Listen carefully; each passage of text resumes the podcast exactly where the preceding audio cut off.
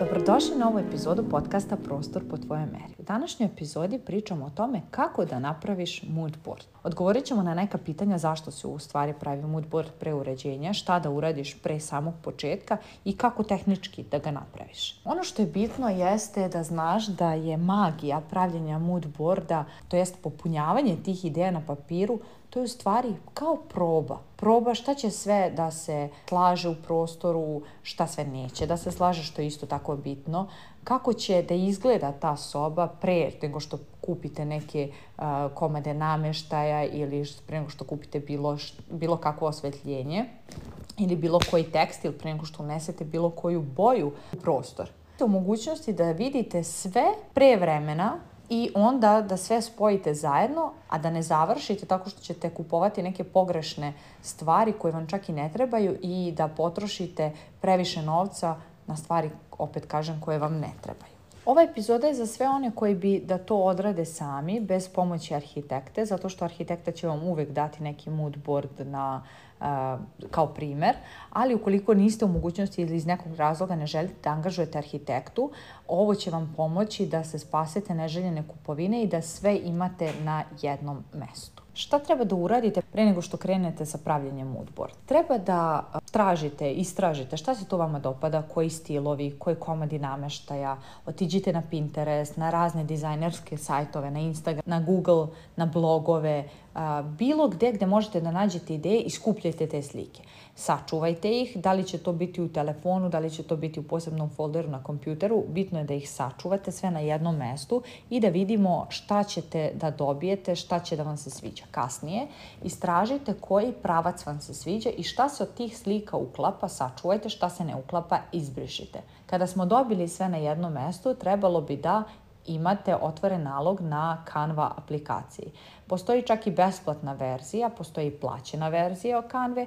Obe imate i na, i na računaru i na telefonu, ali bi bilo dobro, na primjer, da uzmete plaćenu verziju gdje čak imate i 30 dana besplatno da vidite kako vam se dopada, kako biste um, imali neke uh, da kažem, uh, povoljnosti koje, koje nemate u običnom Canva nalogu. Uh, sve ću vam objasniti kasnije kada, budete, um, kada budemo pričali konkretno o tome. Znači, trebalo bi znači da odete na canva.com i da skinete aplikaciju, da uzmete i da kreirate neki novi dizajn. Koji će to dizajn biti? To će biti poster, dizajn postera i kada stavite orijentaciju, trebalo bi da bude orijentacija kao horizontalna, ne nikako vertikalna. I onda bukvalno dodajete vaše slike koje ste e, screenshotovali. Krećemo od najvećeg od najveće površine to jest od najvećeg komada namješta ili, ili šta već ubacujete u prostor. Uzet ćemo za primjer da sređujete sobu za dve devojčice. Deo koji gledamo bi bio, na primjer, dobar kadar koji biramo da gledamo jeste, na primjer, ukoliko su ti njihovi krevetići jedan pored drugog i između je, na primjer, noćni stočić, gledamo u taj kadar. S leve strane je jedan krevetić, s druge strane je drugi krevetić, u sredini je noćni stočić, iza imamo zid, imamo neko osvetljenje koje će nam biti tu i tepih. Tako da prvo postavljamo znači šta će biti na tom zidu. Evo ja na primjer biram da imam zidne lajsne koje će biti, u, u, kojima će biti, izvinjavam se, tapeta nekog cveća. Tako da postavljam prvo cveće, to koje sam izabrala i onda stavljam tepih dole, onda dodajem krevetiće i onda na kraju dodajem noćni stočić, lampu, osvetljenje, sve.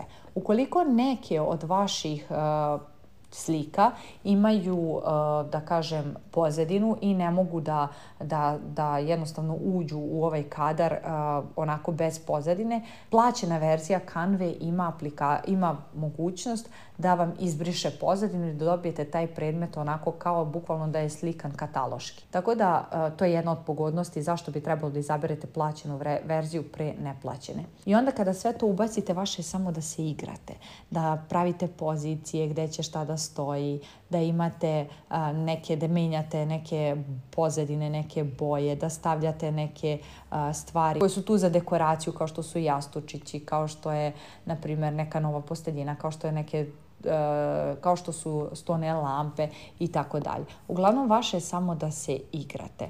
Ali bi bilo dobro da imate na primjer e, više tih e, primjera, pa tako da umjesto tapete nazad možete da stavite, na primjer, e, neka slova iznad krevetića, možete da stavite samo lajsne, možete da stavite samo tapetu, možete da stavite e, galeriju slika. Šta god vama pade na pamet, bitno je samo da se igrate. Ono što isto bih dodala jeste da možete, na primjer, na dnu tog e, moodboarda da stavite čak i opciju za boje, koje će se boje koristiti u prostoru, tako da uvek imate tu na vidnom polju u koje ste boje koristili i koje ćete koristiti u prostoru, da ne tražite i onda da napravite sa više različitih boja. Na primjer, ako ćemo u jednom dijelu koristiti samo rozu, ajde da vidimo kako će da izgleda sa ljubičastom, ajde da vidimo kako će da izgleda sa žutom, kao dodatkom ili kao glavnom bojom.